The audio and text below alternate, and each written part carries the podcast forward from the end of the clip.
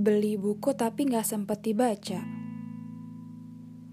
Punya cita-cita tapi gak berusaha.